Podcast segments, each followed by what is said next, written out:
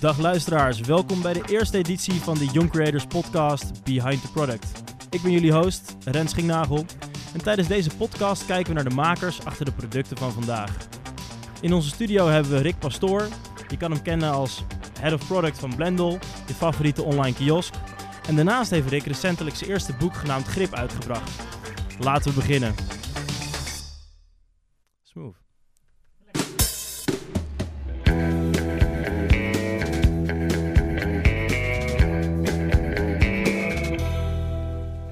Welkom Rick. Een lekker introotje hoor. ja, een, uh, een swingende jingle. Hey, ik las op Twitter dat je boek dat je net hebt, net hebt uitgebracht, uh, Grip, nu al aan de derde druk begint. Dat klopt, ja. Gefeliciteerd. Ja, ik denk wel. Ik ben een beetje, ik ben zelf nog een beetje, uh, hoe moet je dat zeggen? Ik ben, nog, ik ben er nog een beetje van, uh, van ondersteboven eigenlijk, hoe, hoe goed het gaat. Ik had, kijk, je werkt, je werkt er lang naartoe. We hebben er heel hard voor gewerkt. En natuurlijk hoop je dan dat mensen daar enthousiast over zijn, maar uh, dit gaat wel een beetje beter ja. dan ik had verwacht. Ja. ja. ik ben heel erg benieuwd. We gaan er zo meteen uh, alles over horen.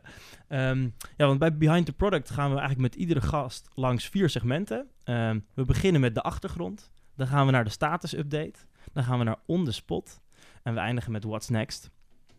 Maar eerst hebben we een uh, heel spannend segment genaamd De IJsbreker. Hm. En de naam zegt het al, we gaan hm. even het ijs breken. Maar bij Young Creators doen we dat niet alleen figuurlijk, maar uh, ook letterlijk. Dus ik heb voor jou hier een blok met ijs. oh oh, ja. Oké, okay. ik komt hier een blok met ijs naar me toe. In een, in een handdoek. Moet ik een beetje uitleggen voor de mensen thuis, hè, die dat allemaal niet zien. Nee, precies, dat is handig. En hier heb je een, een Ik heb een hamer, ja. En in dat blok ijs zit een geplastificeerd kaartje met een uh, ontzettend spannende vraag erop. Oké. Okay. En ik zou graag willen dat jij met militaire precisie probeert dat blok ijs uh, te doorklieven. Hm. en uh, nou ja, dan... Zonder dat ik de studio sloot. Zonder dat je de studio sloot. Okay, is op, op ja? kosten van Young Creators. Dus. Ja, oké, okay, maar dit is voor het eerst dat jullie dit doen natuurlijk. Ja, dit, ja, hele... dit is voor het eerst, en, ja. Oké, okay, wat voor scenario's hebben jullie nou, bedacht? Ik heb, ik, heb thuis al, ik heb thuis al wel een blok ijs uh, doormidden geslagen ja. als test. Oké. Dus, uh, en daarin zit een kaartje en dat kan je oplezen en nou, ik, ik, ga, ik ga een map... Ik heb dus een hamer en ik ga nu... Oh, dit gaat best wel goed. Ja. Ik kom wel helemaal onder de dit, ging, dit ging best goed, toch? Oh. Oh ja. Ja. En, ja. Oh. Oh, we oh. zijn er. Ja, dat is wel Helemaal fijn, gelukt. inderdaad. De assistent die komt eventjes uh, met een, uh, het ijs in een bak doen, zodat we de boel hier niet onder water zetten. Maak hem even droog, zo het kaartje. Ja. Oké, okay, ik vind het wel heel origineel in ieder geval, jongens. ah, dankjewel. Ja, dat is, dat is, dat wel echt leuk. Uh, en het is eigenlijk ook goed dat ik. Ik wist, ik wist hier helemaal niets van, hè. Dus wel, wel leuk dat ik, uh, dat ik nu echt... Ik mag zeker ook niks zeggen tegen de andere mensen nee, die komen. Nee, zeker niet. Nee. Dit is een... Uh, hier ligt een, een boycott Embargo. op. Embargo, daar was ja. ik naar op zoek. Oké, okay, ik heb een vraag gekregen. Als je aan een talentenwedstrijd meedoet, waarom zou je dan verliezen?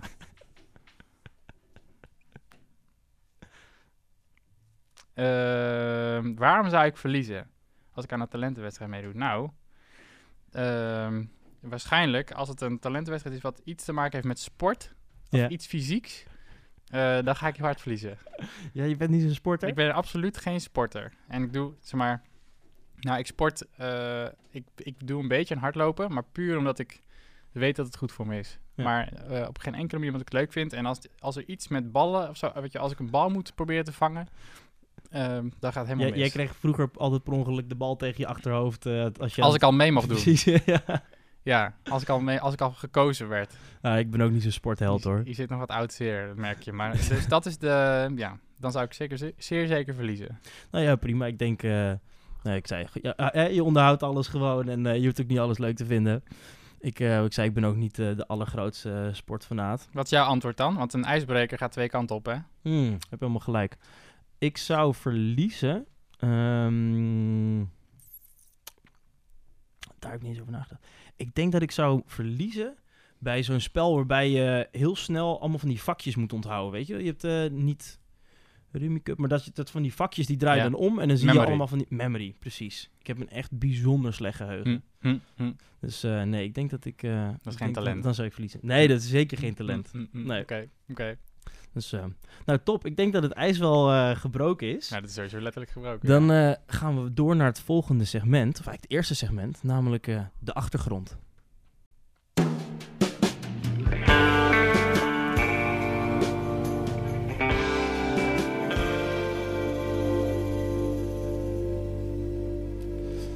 Ja. En bij de achtergrond duiken we eigenlijk in de ervaringen die de gast heeft gevormd tot wie diegene nu is. Wat voor opleiding heb je gedaan? Wat voor eerdere werkervaring heb je? Heb je eerder belangrijk eh, advies gekregen eh, die je heeft gevormd? Ehm, dus kort samengevat, wie is Rick eigenlijk? En ik beginnen. Rick, waar kom je vandaan? Eh, mag ik nog, nog een compliment geven voor de, voor de muziek? Want ik vind het echt, echt, heel, echt heel erg leuk. Ehm, ik, kom uit, ehm, ik kom uit het noorden. Mijn familie komt uit, eh, uit Drenthe. Ik kom uit Assen. En ehm, eh, daar, ben ik, eh, daar ben ik opgegroeid. En toen ben ik... ehm, uiteindelijk ben ik informatica gaan studeren in Zwolle. eh, op Winnenzij. En toen ben ik al best wel snel... Ik denk dat het al in het eerste jaar was dat ik, ehm, en dat, dat geldt waarschijnlijk voor jullie ook, maar dat er, weet je, er komen mensen naar je toe met allerlei opdrachtjes om dingen te, voor, voor ze te bouwen. Dus ik, moest al, ik kreeg al vragen voor, voor websites en voor, nou, dat was toen nog eh, Flash, Flash games, eh, weet je, dat soort, eh, dat soort dingen. Er kwamen mensen naar me toe en zeiden, ze, wil je dat maken? En dan, nou, dat, dat wil ik dan wel doen. Eh, en dan verdien ik dan een beetje mijn, ehm, ja, mijn, eh, mijn eh, zakgeld mee. Maar heel snel, ehm, maar heel snel ja, eh, was het eigenlijk ehm, eh, was het zoveel geld dat die bedrijven zeiden: hey, we hebben een BTW-nummer nodig. Eh, dus toen, toen ben ik een bedrijf gestart. Samen met een, eh, met een goede vriend van mij, Matthijs. Eh, die zat ook in, hetzelfde, in dezelfde klas. Eh, dus we zeiden: Nou, laten we een bedrijfje starten. Want eh, dan, kunnen, weet je, dan kunnen we die opdracht een beetje samen doen. En dan hebben we een BTW-nummer. Dan kunnen we een factuur sturen en dan, dan werkt het. Dus dat deden we. En dat zijn we in het tweede jaar dus gestart samen. En toen zijn we afgestudeerd. Dat duurde natuurlijk eventjes, maar uiteindelijk heb ik dat in vijf jaar gedaan. En toen, toen zeiden we van, wat gaan we nu doen? Gaan we nu voor een baas werken? Of wat, weet je, wat gaan we doen met ons leven? Eh, en het ging eigenlijk hartstikke goed, het bedrijf. Dus toen zeiden we, laten we, gewoon, eh, laten we dit gewoon fulltime gaan doen. Dus we hebben een kantoortje gehuurd in Zwolle. Eh, en toen heb ik dat in totaal iets van 6,5 jaar gedaan. Vet. En wat voor, wat voor dingen maakten jullie vooral uiteindelijk toen jullie klaar waren met, met de opleiding? Ja, eigenlijk tijdens de op opleiding dus ook al. Maar Precies. Ehm, we hebben dus informatica gestudeerd, allebei. Ehm, en we maakten ja, wat complexere back-end dingen. Ehm, dus geen standaard CMS'en, maar we maakten altijd de dingen die, die ja, maatwerken, software Ja. eigenlijk. En dan, dus, dus we deden CMS-dingetjes en web. Ehm, maar we hebben dus ook eh, allerlei soort van games gemaakt. En toen kwam de iPhone op een bepaald punt. En toen zeiden we, nou, eh, misschien moeten we iets met, eh, met, met apps. Toen zijn we apps gaan maken.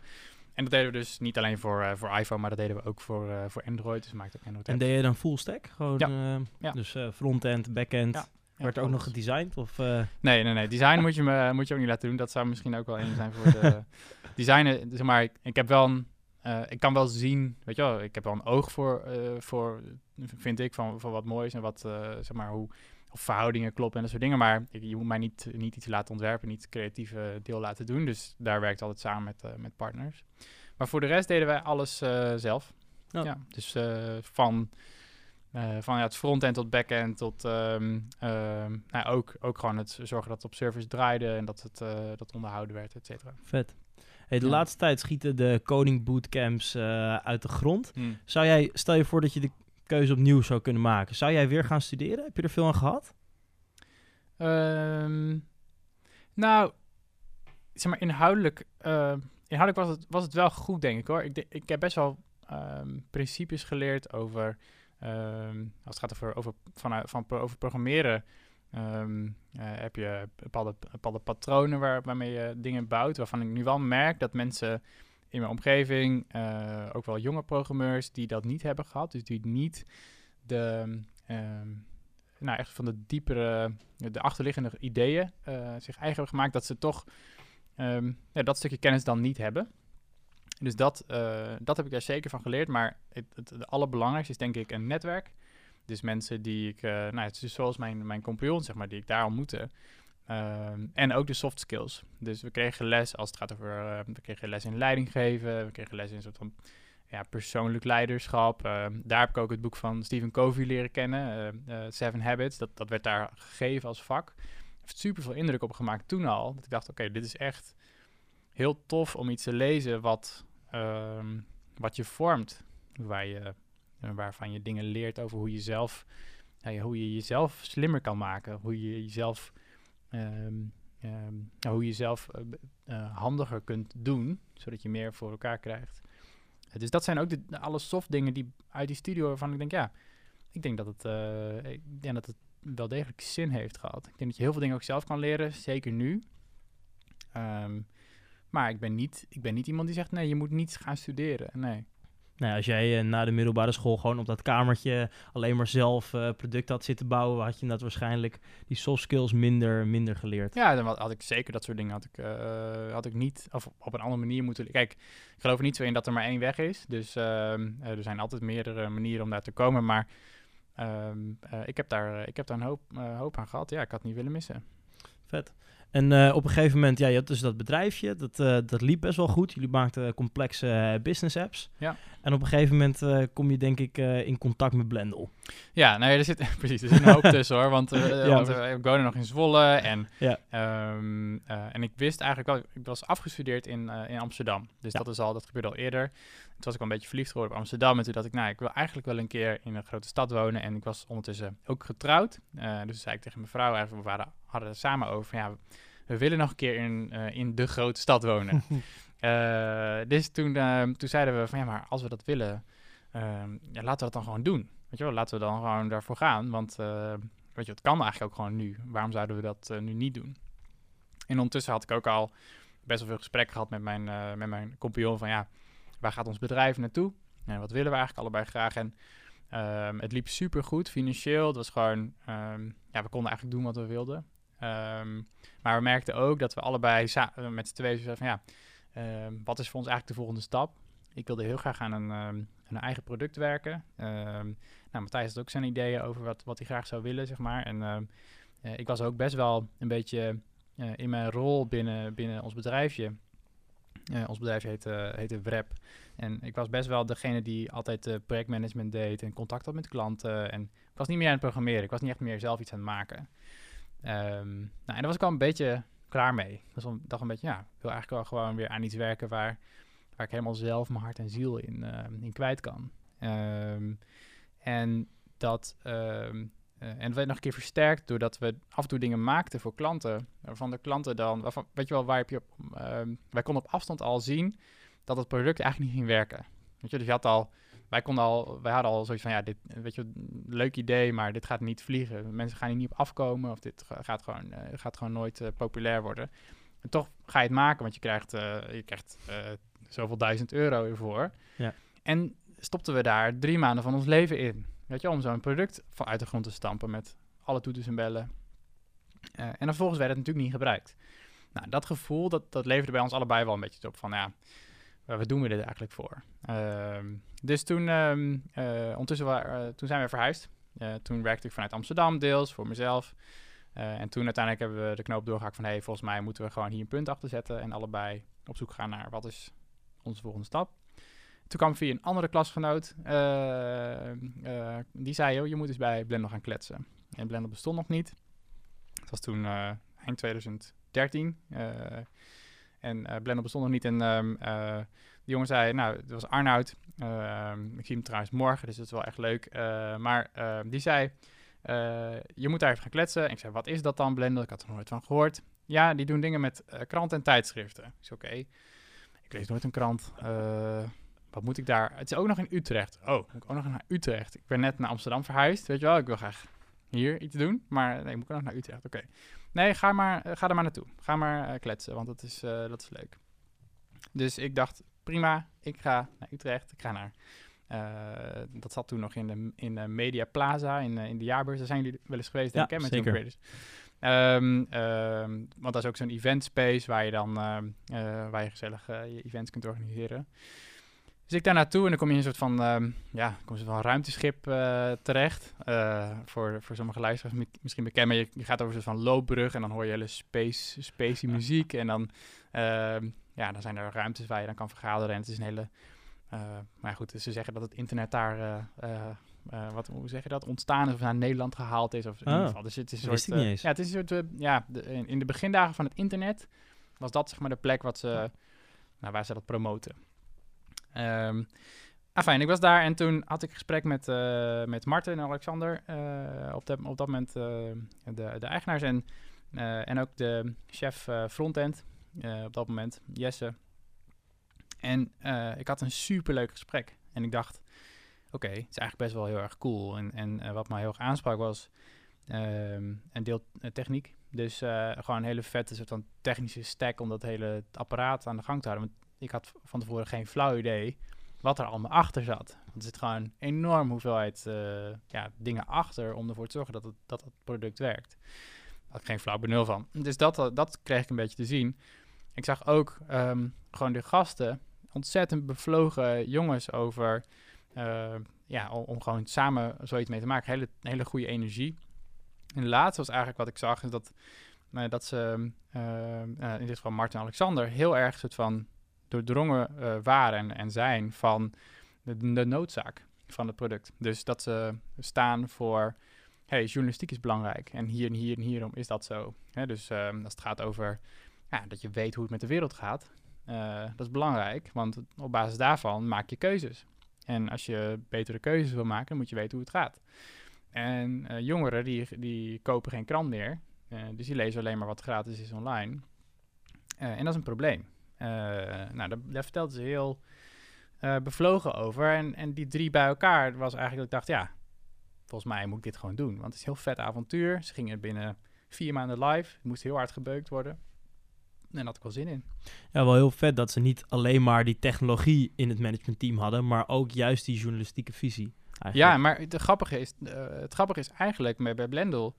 is dat altijd het, ehm, eh, de, de eigenaar niet technisch is geweest. En ik denk dat dat, als je het vergelijkt met andere bedrijven, andere start-ups, waar je, eh, nou, dit een groot verschil is, hè, als je, of je een founder hebt die technisch is of niet.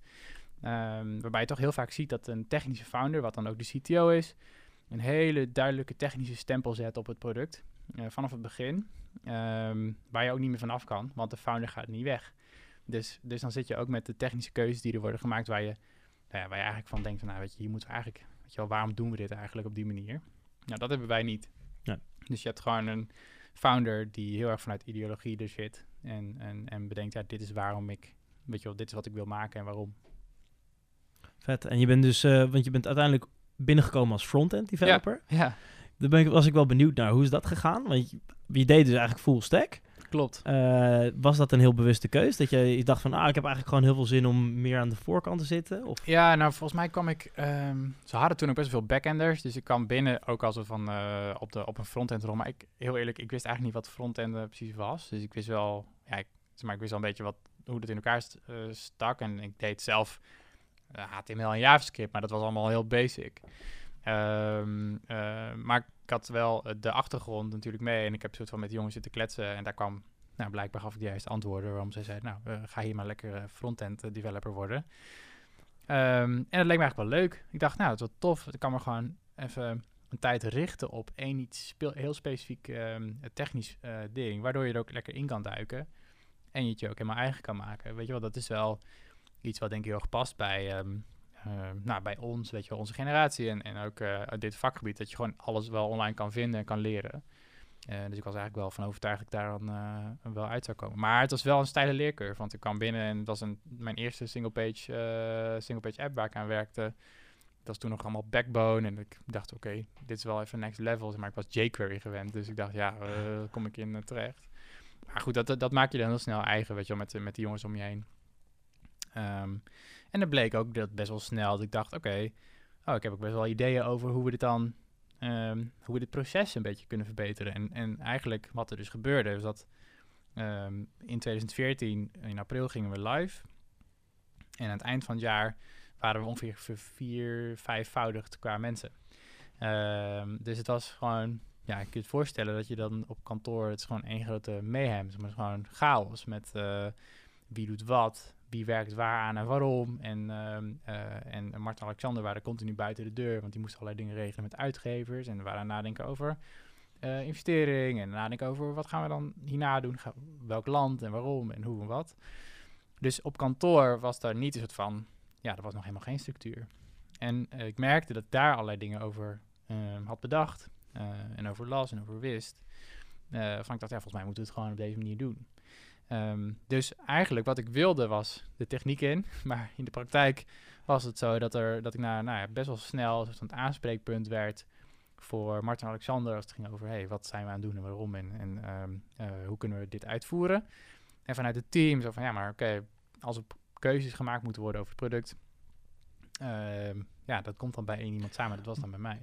Want had je daar in die rol veel aan je eerdere ervaring met het opzetten van je eigen bedrijf? Kwam Ja. vanuit, een beetje vanuit die... Dat kwam, dat kwam daar vandaan. Hè, van, ehm, waarbij je bij, kijk, dat merkte ik ook als je voor klanten werkt. En dat, eh, ja, dat zal voor, voor jullie doelgroep waarschijnlijk niet anders zijn. Maar je merkt, dat dat- er is een verschil tussen voor jezelf iets maken, een side project of een, gewoon dat je denkt, oké, ik hobby iets even lekker in elkaar. Of iets voor een klant maken die er jou geld voor betaalt. Want die klant gaat zeggen, ja, maar het werkt niet hier. Of het, het doet niet zus, of het doet niet zo. En dan moet je daarover in gesprek. En als je dat een paar keer hebt gedaan, dan merk je, oh, wacht, ik moet een beetje betere afspraken maken van tevoren. Want anders komt het niet goed. Dan ben ik weer die zaterdag, zondag, maandagavond bezig om te fixen waarvan ik dacht dat het eigenlijk wel goed was. Terwijl ik al een volgende klant, nou je kent het. Ja. Ehm, dus die ervaring hielp me heel erg, juist binnen Blendel, waarbij we veel, dat het veel losser was. Van nou, we zijn gewoon niet aan het maken en het is nog niet live. En eh, weet je wel, eh, er zijn nog niet echt gebruikers. Dus ehm, dat hielp me heel erg om daar zo van, nee jongens, we moeten, dit moet af, dit moet goed. We moeten het nog een keer goed testen. Oké, welke volgorde, welke dingen moeten we zeker weten hebben gedaan voordat het live gaat. Nou, al die dingetjes, die kwamen inderdaad daar heel erg van pas. En zo maakte je dus eigenlijk een soort hele natuurlijke transitie van developer naar uiteindelijk meer een productrol. Ja, het was, ja of het natuurlijk, ja, het ging aan de ene kant natuurlijk, maar het was ook, het was ook wel intens. En ehm, ehm, zo open ik mijn boek ook, maar, maar ehm, ik was wel gewoon ehm, nog veel meer dan nu met Blendel eh, eh, eh, bezig en aan het werk. Was gewoon, was gewoon eigenlijk altijd overdag en s'avonds met mijn werk bezig. Omdat het gewoon heel veel was. Weet je, het is een, een enorm snel schalend team. met allerlei dingen die er gebeuren. Dus dat we dus live gingen en daarna soort van stroomversnelling. Ehm, dus het was wel vrij heftig, zeg maar. En het, het paste wel, maar het was wel ook was wel echt aanpoten. Ja, ik kan me voorstellen. Ja. En werd je ook snel, heb, ben je eerst een tijdje nog positie product manager geweest en toen head of product? Of ging het eigenlijk allemaal zo snel dat je eigenlijk vanaf het, ja, je zat er als vierde bij, geloof ik? Of Nee, iets later. Dus officieel nummer 14. Oh, nou ja, Eh, vier. ja, eh, officieel nummer 14. Maar ehm, eh, ja, dus ja, je hebt zo'n zo'n kerngroepje van mensen die je dan gelijk in je hoofd hebt. Maar de- daar zat ik inderdaad wel bij. Ehm, eh, het was niet... We hebben pas heel laat, eh, of deze titel, zeg maar, de, de Head of Product titel is ook niet... Het is nooit formeel besloten. Ehm, en ook niet dat het tussentijds een PM was of een product manager, maar het was meer... Ja, nou ja, wie, eh, wie regelt het? Ja, Rick. Zo, zo ging het meer. en eh, dus, dus dat is, eh, dat is een beetje hoe het ging. Eh, en ehm, dus ik was heel lang eh, ook de, de enige in die, eh, in die rol. Ehm, nou goed, Robert heeft natuurlijk een tijd hier voor mij nog, nog gedaan. Dus die kwam eigenlijk eerst binnen. Een soort van, oké, ik, ga dit, ik ga dit fixen. Ehm, en, en daarna heb ik dat overgepakt. Ja. Doop. Ja, ik heb wel het idee dat we een duidelijk beeld op je, je hele achtergrond hebben. Heel goed. En voor mijn gevoel komen we al dichter bij, bij het nu. En dus gaan we door naar de volgende, het volgende segment, de status update.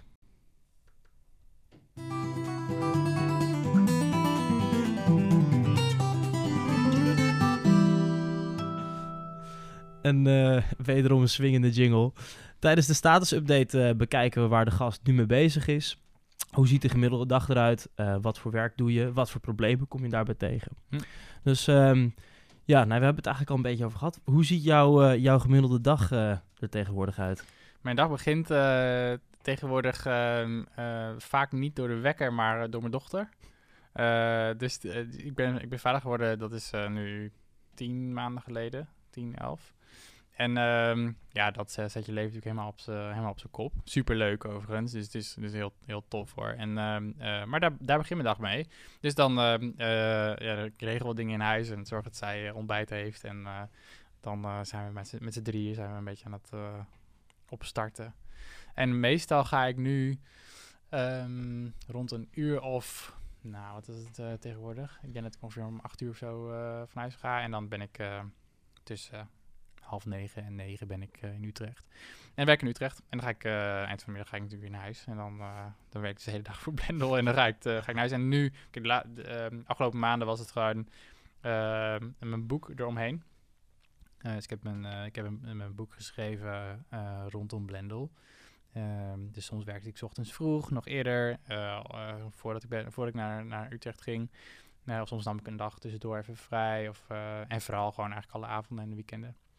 Dus eigenlijk zat je gewoon weer eh, in die beginperiode die je bij Blendel had. Ja, heb je jezelf dat- opnieuw eh, opgelegd. Dat, nou ja, dus eh, ja. Maar ik hou er ook heel erg van. Ik hou heel erg van werken en ik vind het heel tof om dingen te maken. En um, dus, dus het, is, het is voor mij absoluut geen straf. Sterker nog, ik denk dat die afwisseling dus tussen overdag voor Blendel bezig en s'avonds aan het soort van dit project werken.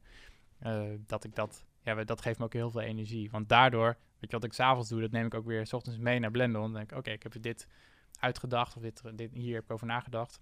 Hé, hey, misschien kunnen we daar uh, bij ons ook wel wat mee. Dus zo heeft het ook wel een mooie kruisbestuiving eigenlijk.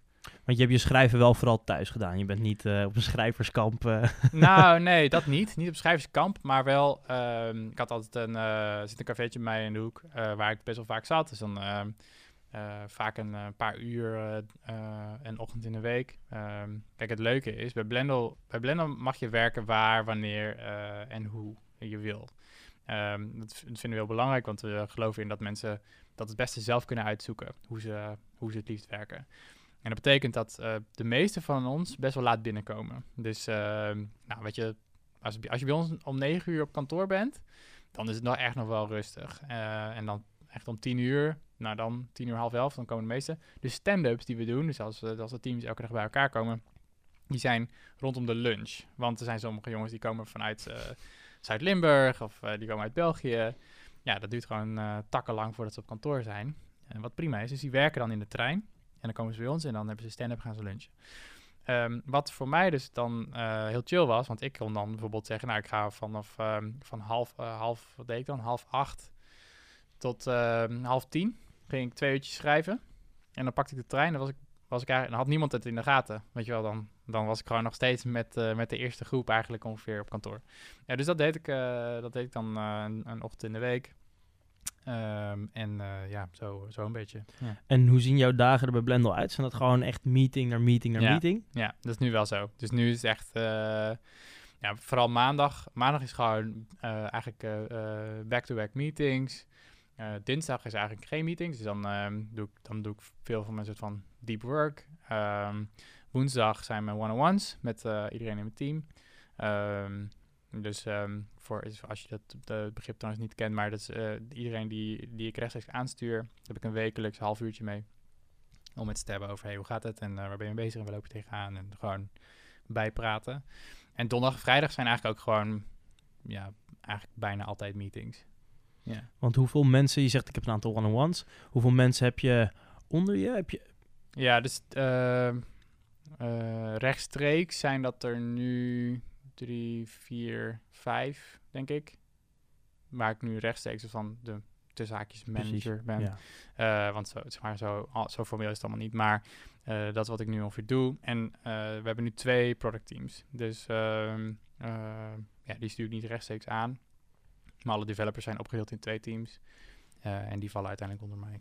Ah, perfect. Dus, en de directe mensen waar jij iedere keer die one-on-ones mee hebt, dat zijn product managers, denk ja, ik dan. Ja, PM's. Uh, ja, en ook, uh, ook onze CTO bijvoorbeeld.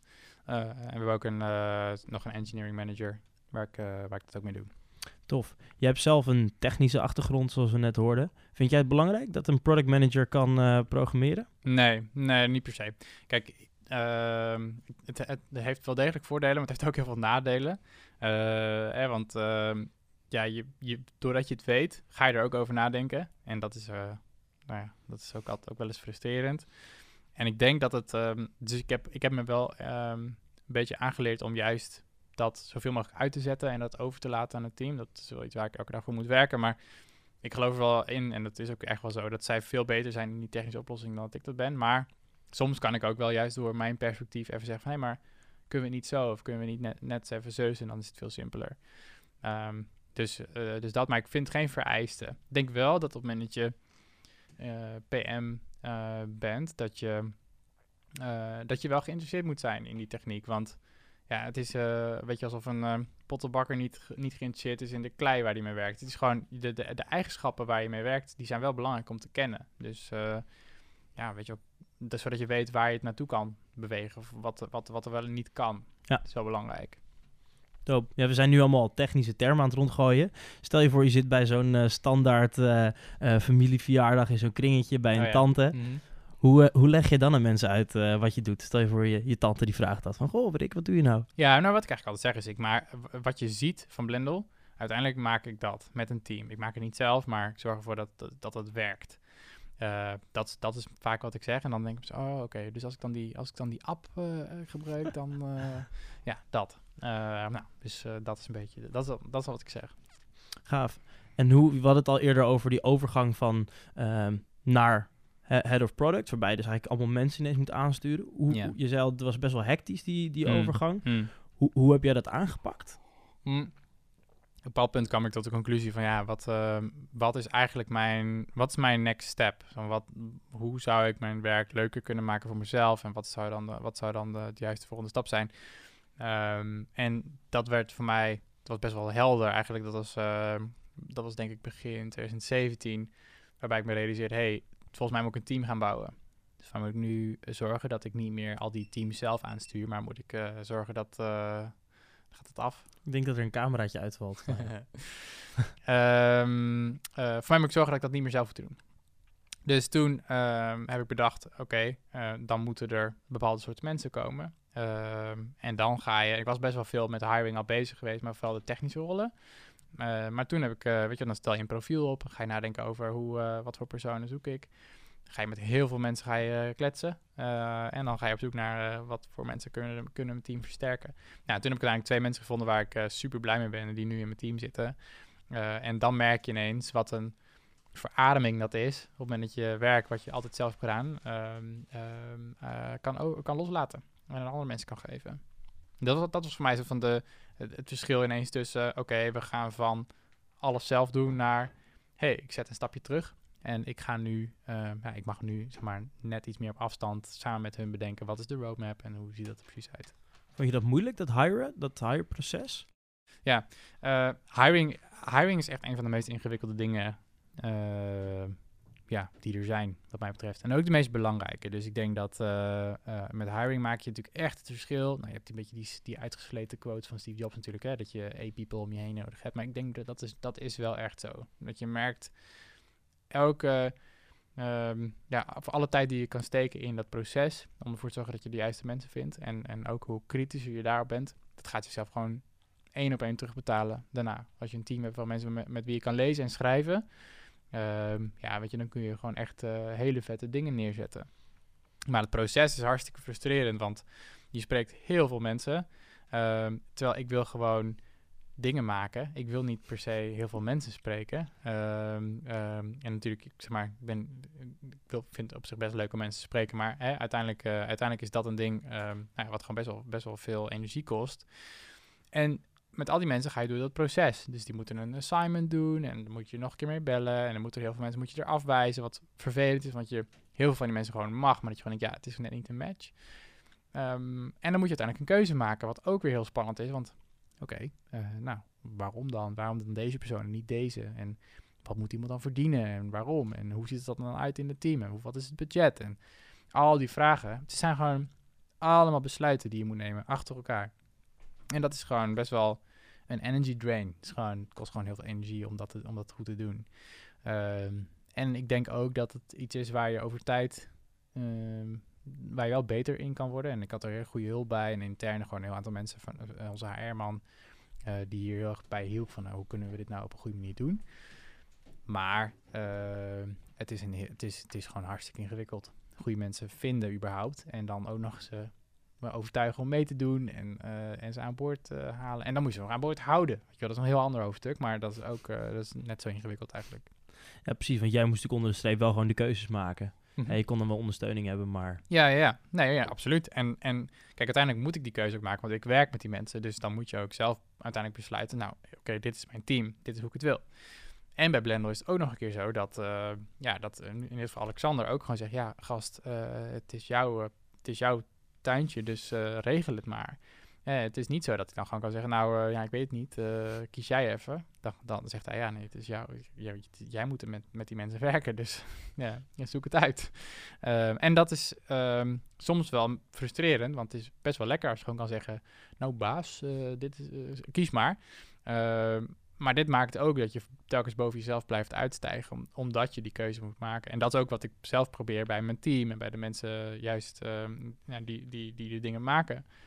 Ehm, dat, ik, dat ik steeds eh, ehm, ja, dat ik aan het werk ben om ervoor te zorgen dat, dat zij de keuzes maken die, voor hun, die zij zelf kunnen maken. Klinkt alsof je best wel wat ballen in de lucht moet houden op zo'n eh, op zo'n moment. Ja, Ik, eh, ik las online dat een van jouw favoriete non-fictie boeken of, of, of nou ja, geschreven werken zijn de brieven van Seneca. ja klopt. Ja. Ehm, en eh, even voor de luisteraars, Seneca is eh, een van de Stoïcijnse filosofen uit, eh, uit de oudheid. ja. Ehm, wat heb je daar aan gehad? Heb je daar iets aan gehad? Ik denk het wel. Ja, ja, ja, nee, ik, ehm, eh, ik las, ik las dat, dat boek met mijn boekenclub. En ik denk nu een, nou wat is het, een jaar geleden of zo. En het heeft heel veel indruk op gemaakt, omdat het het principe van, eh van stoïcijns leven heel erg klikt voor mij. En, daar, en waar, het, waar het uiteindelijk om gaat, is dat je, ehm, eh, dat je oké bent met wat er om je heen gebeurt. Weet je? Dat je daar niet, eh, niet van, van slag raakt, maar dat je, dat je daar gewoon mee dealt, omdat dat gewoon nou eenmaal zo, zo is. En ik vind dat heel, ehm, heel rustgevend en heel prettig. Eigenlijk om niet te kijken naar van, oh ja, nou weet je wel. Nou, iets simpels als, hey, het, ehm, het, eh, het regent eh, en dat is frustrerend of het is koud en, het is frustre- en dat- je kunt je er helemaal door laten opfokken, maar dat heeft helemaal geen enkele zin, want je kunt het namelijk niet veranderen. Nou, en, en dat is eigenlijk het principe van, van, ehm, van, van stoïcijns eh, leven. Het heeft natuurlijk een beetje een gekke, van als, je, als mensen zeggen, jij bent stoïcijns, dan denk ik dat is, dat is een beetje negatief. Ja. Maar ik vind het heel mooi, want het zijn... ehm, eh, juist in deze tijd waar we ons heel makkelijk laten opfokken door van alles. eh, nou, kijk alleen even op Twitter. Vind ik het heel prettig als mensen gewoon een beetje meer zijn van... Oké, eh, ik observeer het en ik zie wat er gebeurt. En ik, ik, ik neem de tijd om daar gewoon iets... om daar bij te bedenken wat ik daar dan mee moet. En heel vaak hoef je er niks mee. Ehm, en dan heel erg naar jezelf kijken. Ik vind dat heel mooi. Ik vind dat een mooi principe, ja. Ja, ik ben er zelf ook super groot fan van. Ik moet zeggen, ik kan niet zeggen dat ik het altijd goed eh praktiseer, Nee, ja, maar ik vind het altijd mooie, wel, Ja. mooie concepten. ja. hey, ik was nog benieuwd. Eh, je hebt bij product management allerlei technieken die, die, die men gebruikt om soort van te periodiseren wat je gaat bouwen. Ja. Ik was benieuwd, heb je bij het schrijven van Grip nog eigenlijk wat van die technieken die je uit product management kent, misschien toegepast? Hmm. Hmm, interessante vraag. Nou, kijk, eh, nou ergens, ik, eh, ja, het is een interessante vraag. Ik denk het wel, maar ik denk dat het ook heel erg onbewust is, omdat ik alles op zo'n manier doe. Maar dat heeft natuurlijk heel erg te maken met dat ik eh, alle, alles wat ik maak eerst in een ruwe versie maak. daar dan eens even naar kijken en, wat vind ik daar nou van. Dat ga je niet shippen. Want een boek ship je niet alvast halverwege. Maar, of tenminste, sommige mensen doen dat wel. Maar dat heb ik niet gedaan. Ehm, eh, maar die manier van werken, ik had wel heel snel een outline. Ik had heel snel zo van, oké, ruwweg, wat moet ongeveer waar? En dan kijk je daarna en denk je, oké, wat vind ik hiervan? Vind ik dit kloppen of vind ik dit niet kloppen? Dus dat is een van de dingen. En een ander ding is gewoon eh, eh, een soort van wekelijks ritme in hoe, hoe, hoe dingen maak. Weet je, een van, bijna een soort van sprints en eh, afbakenen. hoeveel ik wanneer wilde schrijven. En ehm, nou ja, al dat, soort, al dat soort dingen zitten erin. Ehm, maar, kijk, andere dingen, zoals bij Blender doen we heel veel met value effort. Eh, we maken voor heel veel dingen value effort matrix, wat ik een heel prettige manier vind om snel te zien eh, wat we moeten maken. Eh, dus voor, dus nou, als je het niet kent, maar we maken eigenlijk een lijstje met de dingen waarvan we denken, dit vinden we boeiend om te maken, of dit, dit zou wel eens wat kunnen zijn. En per item geven we een score als het gaat over value, dus wat, wat levert het op, en effort, hoeveel tijd kost het om het te maken. En dat is gewoon een arbitrair getal, dus tussen de 1 en de 5. Als je dan, als je dan in een matrix zet, of als je dan in een, soort, in, een, in een diagram zet, dan zie je best wel snel wat zijn de dingen die veel waarde opleveren en weinig energie kosten om te maken. En eigenlijk zijn dat vaak de dingen die je eerst moet doen. Ehm, en daar hoef je helemaal niet een heel lang in- ingewikkelde, ingewikkelde studie naar te maken, maar dat zijn eigenlijk de dingen die gewoon direct waarde opleveren. Ehm, dat heb ik bij mijn boek niet op die manier gedaan. Ehm, eh, dus, dat is in principe wat ik niet zo op die manier Ik kan niet zeggen, de inleiding, nou die laten we even zitten. Nee, nee. Maar eh, dat heb ik wel weer gedaan. Kijk, wat ik merkte, want ik heb het zelf uitgegeven, het boek. En ehm, je merkt gewoon, je gaat... Nou, ik kan nu een 10 minuten gaan zitten.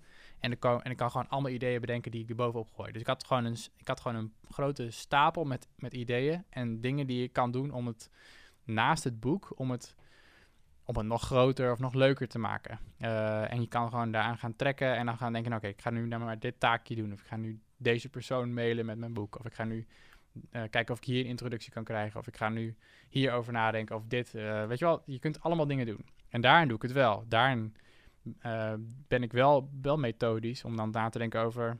Oké, ik heb nu deze week twee avonden beschikbaar. Dat is zes uur. Hoe ga ik ervoor zorgen dat die zes uur zo slim mogelijk inzet? Want ik heb niet meer tijd. Nou, dan wil je niet in die zes uur iets doen wat eigenlijk niks oplevert. Dan wil je iets doen eh, waar je de meeste slagen maakt. Dat betekent dat je andere dingen niet gaat doen. Nou, dan maak ik wel echt keuzes vooraf aan mijn week. Van oké, ik heb die hele bak. Wat ga ik doen? Nou, dan zijn dat deze twee dingen, want die leveren me waarschijnlijk het meeste op. Dus daar doe ik, dan, doe ik dat dan weer wel. Wat, eh, ho- hoe beviel dat om het zelf uit te geven? Ik geloof, ik heb niet het idee dat het heel vaak gebeurt dat mensen hun eigen boek eh, uitgeven. Hmm.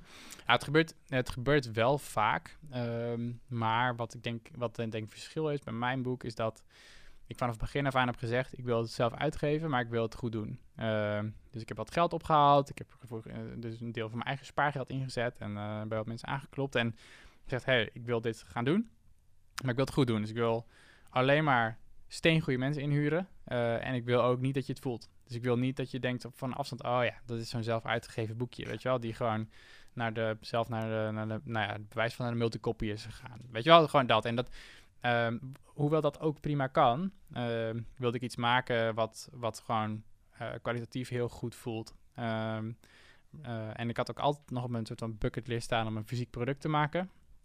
Ik dacht, oké, dat wil ik hierbij dus doen. Ehm, ik wil ook nog steeds een keer een fysiek product maken wat een soort van elektronisch ding is. Dat is nog een ander project. Maar eh, dit is het fysieke boek. En ik wilde ook dat dat gewoon heel erg waardevol voelt. Als iets waar je, waar je, waar je blij mee bent. Waar je, dat, je, dat je het in je handen houdt. Dat je denkt, ja, dit is vet.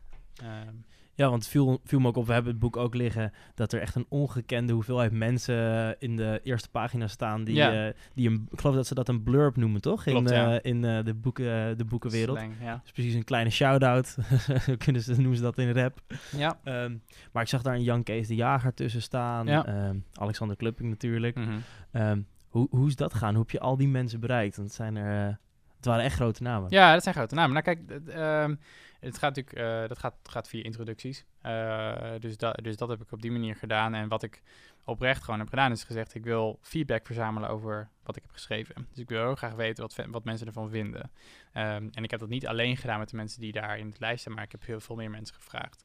En gewoon gezegd: hey, hier heb je mijn boek. Eh, wil je het lezen? Wil je meer feedback geven? Want en daar kwam ik ook een beetje achter dat heel veel dingen in de boekenwereld is best wel nogal traditioneel. Gaat best wel, oké, iemand gaat in een kamertje zitten, iemand tikt het boek, er wordt een cover opgeklapt en dan wordt het, eh wordt het schappen ingeramd en dan maar kijken hoe het gaat. Nou, dat, zo zijn we dat natuurlijk niet gewend. Zo maak je ook geen app. Dat ga je niet zo doen. Je gaat het maken, je gaat het laten zien, je gaat feedback verzamelen en dan ga je het, dan ga je drie keer of vier keer ga je het aanpassen en dan pas werkt het, weet je wel. Ehm, dus dat wilde ik met het boek ook. Dus ik heb eh, individuele hoofdstukken getest. Ik heb gewoon mensen gevraagd, hey, wat vind je ervan? En dat heb ik ook met die mensen gedaan die een quote hebben gegeven. hey, ik heb dit boek geschreven. Ik denk dat het heel relevant is voor mensen die werken.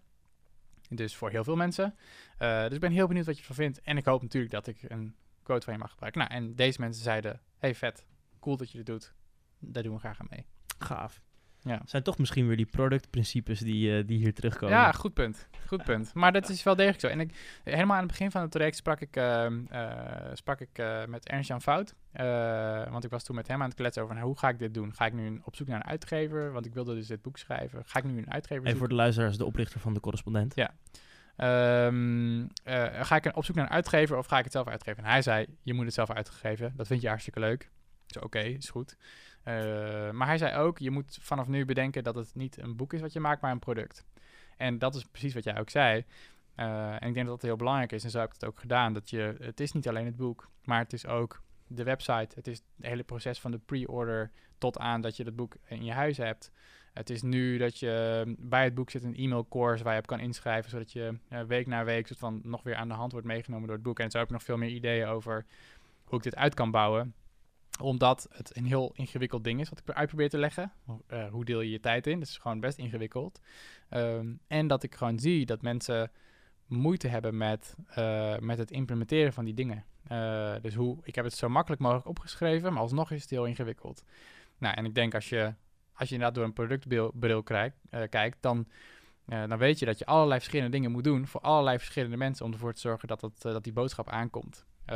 dus dat ben ik aan het doen. Dus je probeert niet gewoon puur een boek te verkopen, maar je probeert echt een probleem voor mensen op te juist, lossen. Eigenlijk. Juist, en dat, exact. En dat is natuurlijk precies wat je als product ook doet. En uh, kijk, laten we, laten we wel wezen, uh, hoeveel, hoeveel boeken worden er echt uitgelezen? Hè? De, hoeveel boeken lezen wij echt uit?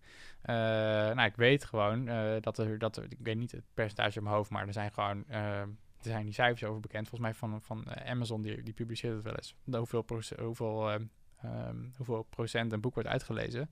Nou, ik denk dat je daarvan schrikt. En daar ben ik me van bewust. Um, dus ik wil dingen inbouwen om ervoor te zorgen dat dat minder gebeurt, of dat het niet gebeurt. Tof. Ja, ik denk uh, vet hoe, denk, ja, hoe, hoe je zeg maar zo'n boek zelf helemaal uitgeeft en schrijft en al je werk met Blendel. We gaan, uh, we gaan door naar uh, het volgende segment, ehm, On The Spot.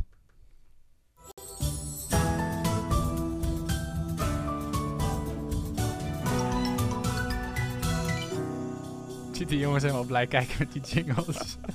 ja, het klinkt alsof we deze jingle gewoon uh, recht uit Sims uh, hebben gehaald. Ja. ja, vet eigenlijk, Sims, ja. ja. Zoals uh, de naam van dit segment al verklapt, zetten we dit de gasten on the spot. Oké, okay, ben heel benieuwd. dat doen we met twee leuke spelletjes. Nou, ja, zou je spelletjes kunnen noemen. Hm. en dit begint met een vraagspel. Als maar geen bal hoeft te vangen, hè? nee, nee. Ja. nee. nee. We beginnen met de rapid fire questions. Hm. Er gaat zo een, uh, een klok lopen. Uh, die duurt uh, ongeveer 60 seconden. Okay. Um, en ik ga je stel vragen stellen hm. en met, steeds met twee opties. En dan zeg je het een of het ander. Okay. Spreek voor zich. Ja. Daar gaan we. Nou. Spanning.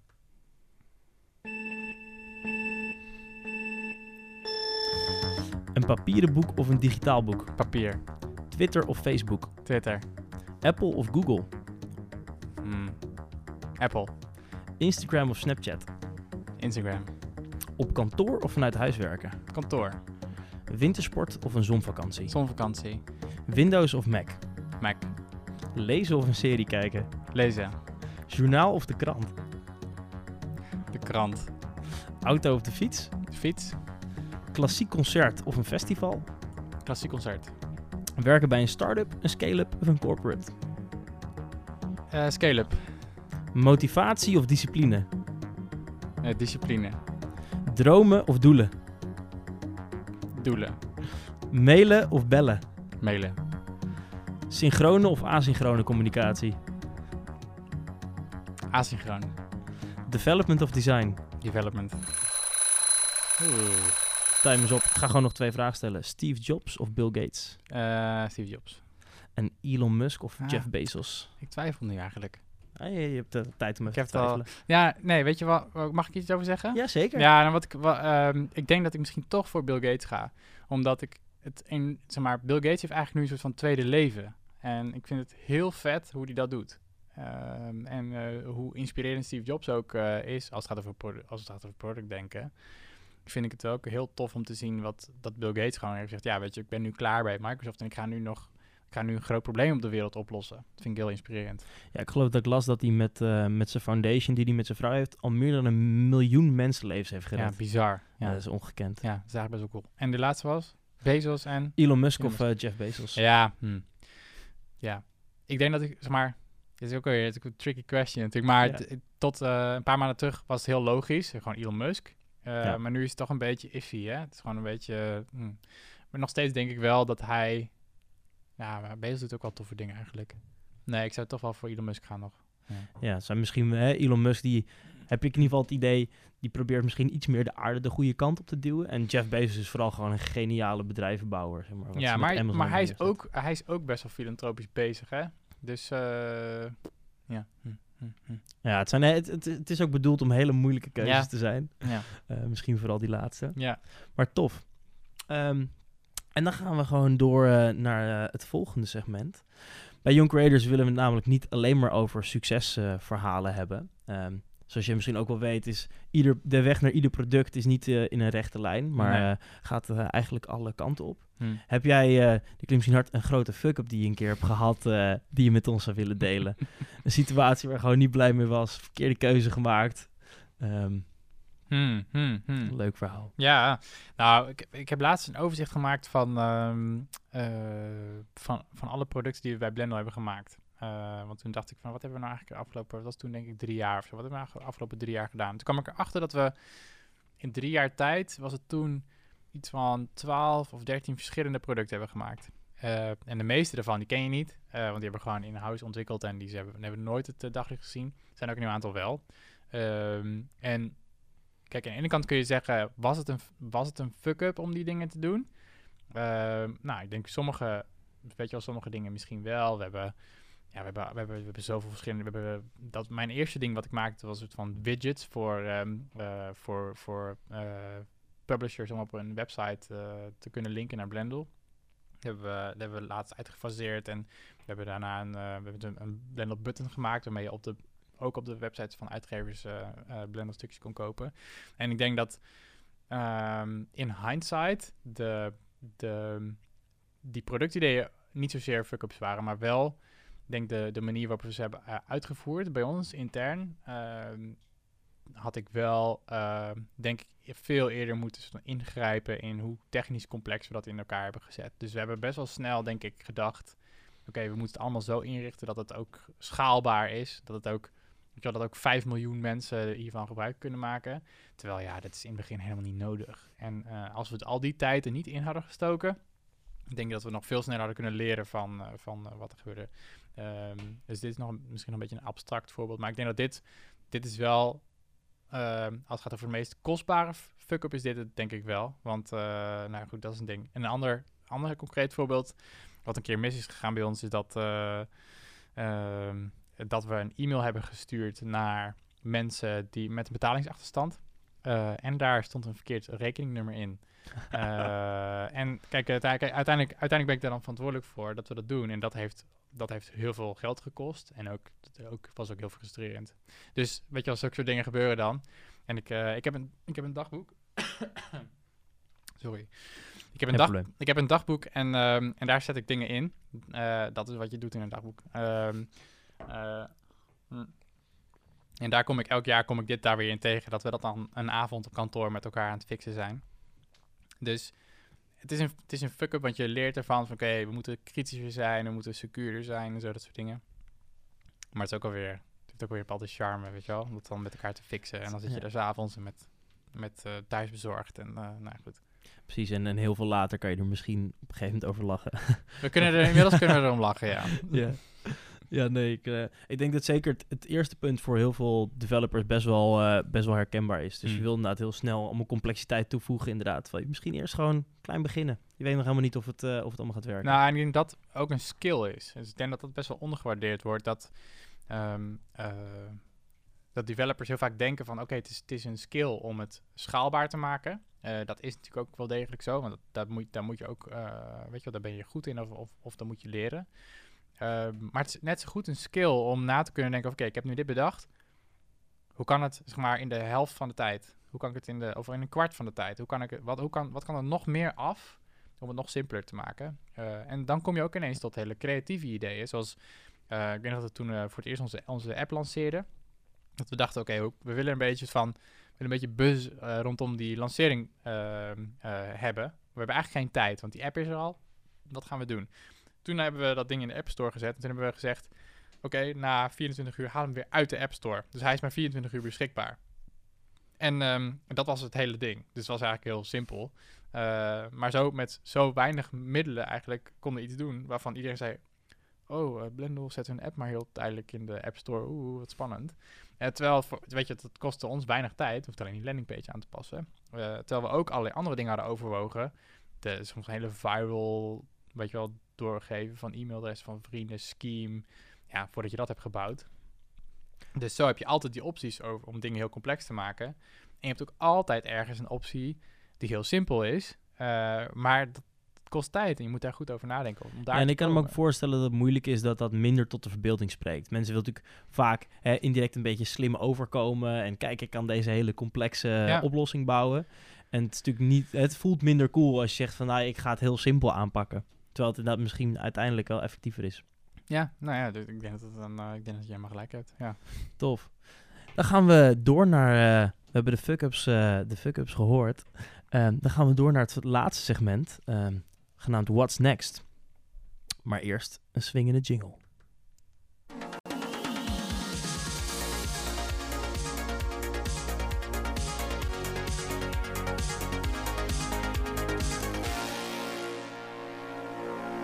Het is prima jingle.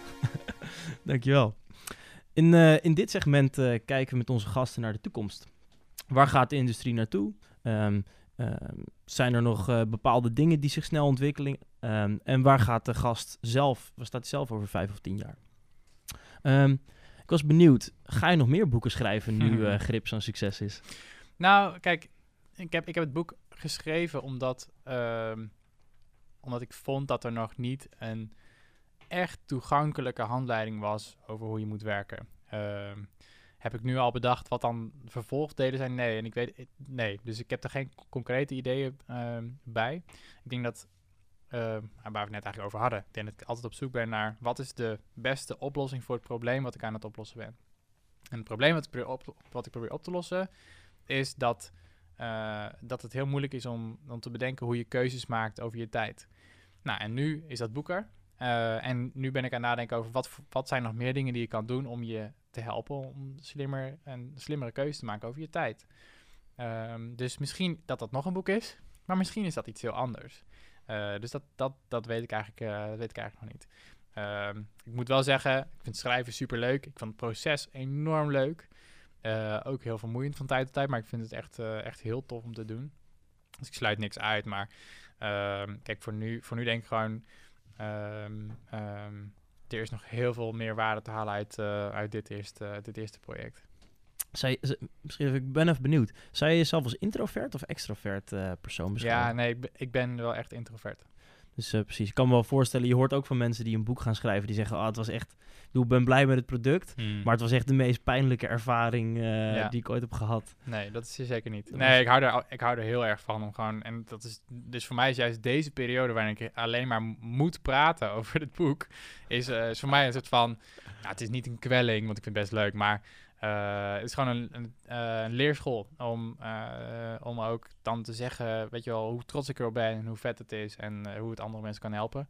Maar ik, ik zit veel liever gewoon lekker thuis achter mijn laptop en lekker of een boek te lezen of na te denken of weet je wel, met zo'n, met zo'n, met zo'n idee te spelen. Dat is eigenlijk, weet je wel, als ik wil opladen, en dat is volgens mij hoe je erachter komt, of je introvert of extrovert bent, waar laat je van op? Nou, ik laad echt op door alleen te zijn.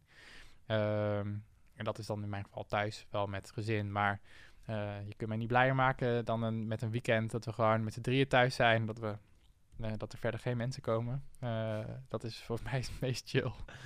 Ja, ik kan me goed voorstellen. Hey, en ehm, nou ja, er gebeurt van alles in het medialandschap. Je had het over Ja. de correspondent. Hm. Hoe zijn er bepaalde, bepaalde ontwikkelingen waar jij enthousiast over bent? Of je hebt, nou, Ja, nou, eh, audio is natuurlijk één. We hadden het al even over voordat, eh, voordat we st- starten met de opname. Maar eh, ik vind het heel tof om te zien dat audio voor makers veel toegankelijker is geworden. Dus dat, het, nou ja, dat, dat je zo'n studio kan fixen, weet je wel. Dat je daarin kan zitten en dat, dat die kwaliteit omhoog gaat. Het heel tof om te zien hoe mensen tijd besteden aan audio. Dat het veel normaler is. Kijk, een paar jaar terug was je eigenlijk nog een gekkie, als je gewoon podcast aan het luisteren was. En dat is nu niet meer zo. Ehm, als je kijkt naar wat, voor, wat voor vers- verschil in diversiteit en in shows. Ik denk dat, dus, dus dat is denk ik een, een, een trend. Eh, maar waar we nog maar aan het begin staan. Want eh, het, is, het is nog niet dynamisch, het is nog niet gepersonaliseerd, het is nog niet eh, echt afgestemd op wat je op dat moment van de dag gra- graag wil of nodig hebt of waar je naar op zoek bent. Dus dat is denk ik een, ehm, dat is denk ik een ding. Als je gaat, als het gaat over, over delen of, of archiveren of terugvinden, weet je, dat is allemaal nog niet daar is nog niks voor.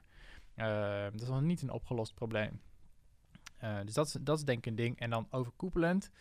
ehm, want mijn eigen ding is dus, ik wil graag mensen helpen betere keuzes maken over hun tijd. Voor Blendel is het eigenlijk, ehm, we willen mensen helpen om betere keuzes te maken in hun leven. Eh, en, en we geloven dat journalistiek daar aan ten grondslag ehm, eh, ligt. Maar je zou ook kunnen zeggen, ja, de manier waarop dat nu gebeurt, dus door stukken te lezen. Ja, eh, ik weet niet of jullie wel eens een, een, eh, artikel lezen op, eh, op Blender. Nou, misschien dat jullie dat wel eens doen. Maar het, het, het, de groep die dat doet, die is, die is wat ons betreft nog lang niet groot genoeg. En dan kun je zeggen, oké, wat we gaan doen is we gaan zoveel mogelijk proberen om wat we maken door iedereen door zijn strot te duwen. Ik denk dat dat niet helemaal werkt. Ik denk dat je weer moet kijken naar iedereen heeft andere behoeften. Wat past er bij die behoeften? En hoe kunnen we zorgen dat de waardevolle inhoud die in die stukken staat, hoe kunnen we dat overbrengen? En voor de ene is dat audio, voor de ander is dat geschreven. Misschien is dat voor een ander wel video. Misschien is dat voor een ander wel een samenvatting. Of misschien is dat voor een ander wel in een soort van story. Of misschien is dat... Er zijn allerlei verschillende vormen voor. Ehm, dus als ik even inzoom op wat is nou de, de toekomst voor... ehm, eh, gewoon even binnen het, binnen het journalistieke landschap. Dan is dat denk ik... eh, dan is dat één audio en is dat twee... Hoe kunnen we zorgen dat al die content die er is... Ook het archief, dus de dingen die wat ouder zijn. Hoe kunnen we zorgen dat dat gewoon op een manier bij jou komt... zodat je het makkelijk... eh, zodat, het, zodat het toegankelijker is in de breedste zin van het woord. Dus als het gaat over vorm en ook als het gaat over inhoud. Nou, ik denk dat daar nog, ik daar is nog zoveel te winnen. Dat is Ja. gewoon, eh, eh, nou ja, voorlopig hebben we een, hebben we een lange roadmap, zeg maar. Dat- En wat zijn de grote dingen om, om daarbinnen te tackelen? Wat, wat, wat, wat zijn nog de moeilijke... Nou, kijk, personalisatie. ehm, zoals, als je nu kijkt naar wat is nu personalisatie, dan eh, is wat heel veel bedrijven doen, is ehm, eh, ja, je, je rankt eigenlijk alles wat er is op basis van iemands voorkeuren. Alleen de manier daar, om daar te komen is, is heel vaak niet transparant. Nou, dat wordt aan de ene kant door de wet van ons geëist dat het transparanter wordt. Maar ik denk dat mensen daar uiteindelijk echt op zitten te wachten. Dus waarom zie ik bepaalde dingen in, in mijn Facebook feed en mijn Instagram feed? Ja, die zie je omdat daar een bepaald advertentiemodel achter zit. Eh, daar, dat wordt daardoor gedreven. En wat, wat, ik, ga, wat, wat ik denk dat, eh, nou, dat of wij dat nou oplossen of iemand anders. eh, maar de manier waarop die feeds worden samengesteld, die moet als het gaat over kwaliteitsinformatie, moet anders. Die moet meer, ehm, denk ik, beïnvloedbaar zijn. En ook duidelijker zijn waarom je ziet wat je ziet. En ook misschien wel waarom zie je, eh, waarom je niet ziet wat je, wat je niet ziet. Weet je wel? Dus dat, je, eh, dat het helder is hoe het werkt. Ehm, en dit is een heel ingewikkeld probleem, want je zou kunnen zeggen, ja, dat duurt toch gewoon filtertje, duurt er gewoon even dit, dat, maar zo werkt het natuurlijk niet. Dus dit is een probleem waar we over nadenken, waar je slimme mensen voor nodig hebt en waar je dan, ja, van gaandeweg achter moet gaan komen eh, hoe dit opgelost wordt. En je ziet dat Apple hier aan werkt, je ziet dat alle grote jongens hier aan werken. Dus, eh, en ik zeg ook echt niet dat wij dat per se eh, eh, moeten doen, maar dit is wel een probleem wat nu heel erg speelt, waar mensen zich steeds meer bewust van zijn. Maar, maar de oplossing om te zeggen, nee, we, we gaan niet personaliseren, is geen oplossing. Want dat betekent, dat er is gewoon een enorme bak aan data en informatie, die elke dag over je heen komt. En daar moet je iets mee. Eh, dus er moet, eh, ja, de, op een of andere manier moet dat, is het fijn als het voor jou gesorteerd is. Dat het fijn als het voor jou een beetje zo'n hap klaar wordt neergezet. Ehm, maar ja, eh, hoe dat dan werkt, ja, dat is denk ik de, de kern van het probleem. Ja, ik zou het inderdaad heel lekker vinden om niet de hele krant te hoeven doorbladeren. Want ik kijk toch nooit op het entertainment pagina. Precies, precies. Maar dan is het misschien wel fijn dat je het gevoel hebt dat je niet uh, in een... En je wilt niet in een filterbubbel geduwd worden. Dus je wil wel het bepaalde gevoel van controle hebben over dat je eventueel dat wel bij kan. Uh, nou, weet je wel dat. Maar dit is best wel een genuanceerd probleem. Want, want als je het gewoon weglaat... En jij denkt ineens, ja, maar uh, hallo, iedereen heeft het over dit stuk en waarom zie ik dit niet? Nou, dan, dan voel jij je, weet je, dan voel je je in een bubbel ge, ge, geduwd. Dus het gaat een beetje om de, de data science met de menselijke touch. Dat is eigenlijk een beetje de balans. Ja, ik denk we... dat we met, precies, ik denk, ik denk dat je de, de spijker op zijn kop slaat. Ik denk dat het gaat over personaliseren. Uh, dan hebben we het wel, dan is er wel een hoop gepersonaliseerd, maar het is niet persoonlijk. Dus daar zit een verschil. Uh, en en ja, wat, hoe maak je een persoonlijke selectie? is iets anders dan hoe maak je een gepersonaliseerde selectie. En ik denk dat, dat, dat daar op dat vlak, dat daar nog een hoop uh, moet gebeuren en ook gaat gebeuren. Ik, uh, ik ben benieuwd. En nog uh, even als afsluiter. Ik hoor dat je enthousiast bent over audio. En je zegt van uh, met grip eh, probeer ik eigenlijk meer een probleem op te lossen. Komt Ja. er een, eh, grip eh, podcast aan? of, eh, Nou, ik heb met, ehm eh met Ranier Ladan een podcast gemaakt, een podcastserie gemaakt. Ehm, ik denk dat het een hele toffe aanzet is eh, daarvoor. Ik vind dat, hij, hij heeft het echt briljant gedaan. Hij kwam ook heel hoog binnen in de, in de iTunes-lijsten, dus dat is, eh, dat is heel vet. Alle kudo's aan hem voor, het, voor al het editwerk. Ehm, en ehm, da- dat is dat denk ik een mooi, mooi startpunt. En ik heb hier, hier dus echt een keuze gemaakt in, oké, waar ga ik mijn tijd in steken? Nou, dat was niet op dat moment in, in audio, dus het is heel tof dat hij dat heeft gedaan. De, als, ik dit, als ik het zelf in audiovorm wil uitbrengen, dan is er nog een hoop werk te doen. Want ik kan het niet letterlijk inspreken. En ik geloof ook niet dat, je dat, dat ik dat op zo'n manier moet doen. Dus daar moet ik nu over gaan nadenken. Ga ik dat doen? Of ga ik juist verder, ga ik die tool verder uitbreiden die ik heb gemaakt? Of ga ik, weet je wel, of ga ik juist meer van offline training bouwen? Of wat ga ik een, nou ja, weet je wel, wat, wat gaat het worden? Of ga ik juist eh, dit hele ding, ga ik het allemaal niet doen? Dat kan ook. Eh, ja, dus dit is een soort van, dat ben ik nu een beetje aan het uit, uitvissen van wat is nou de, wat is een goede next step? gaaf. Hey eh, Rick, ontzettend bedankt. Ik vond het een super waardevol gesprek. Graag Ik gedaan. wacht eh, met smart vast op de vierde druk van je boek. ja, als, nee. het, als, het mee, als het mee zit, dan eh, gaat hij er snel komen. ja, precies. Eerste, derde maar even. Eerste, derde, ja precies. Niet te, te hoog van de toren blazen. Maar ja, bedankt dat je er was. En ehm, tot, eh, tot de volgende. We gaan eh, even een swingend outro muziekje draaien. Thanks voor je aandacht. Volgende keer hebben we Jelle Prins in de studio. Dus zorg ervoor dat je deze niet mist. Meedenken of langskomen bij Behind Your Product? Dat kan. Neem contact op met Alexander, de Chief Online van Young Creators. En als laatste uiteraard een bedankje naar Fondo CS voor het faciliteren van de opnames in een prachtige pand. Peace out.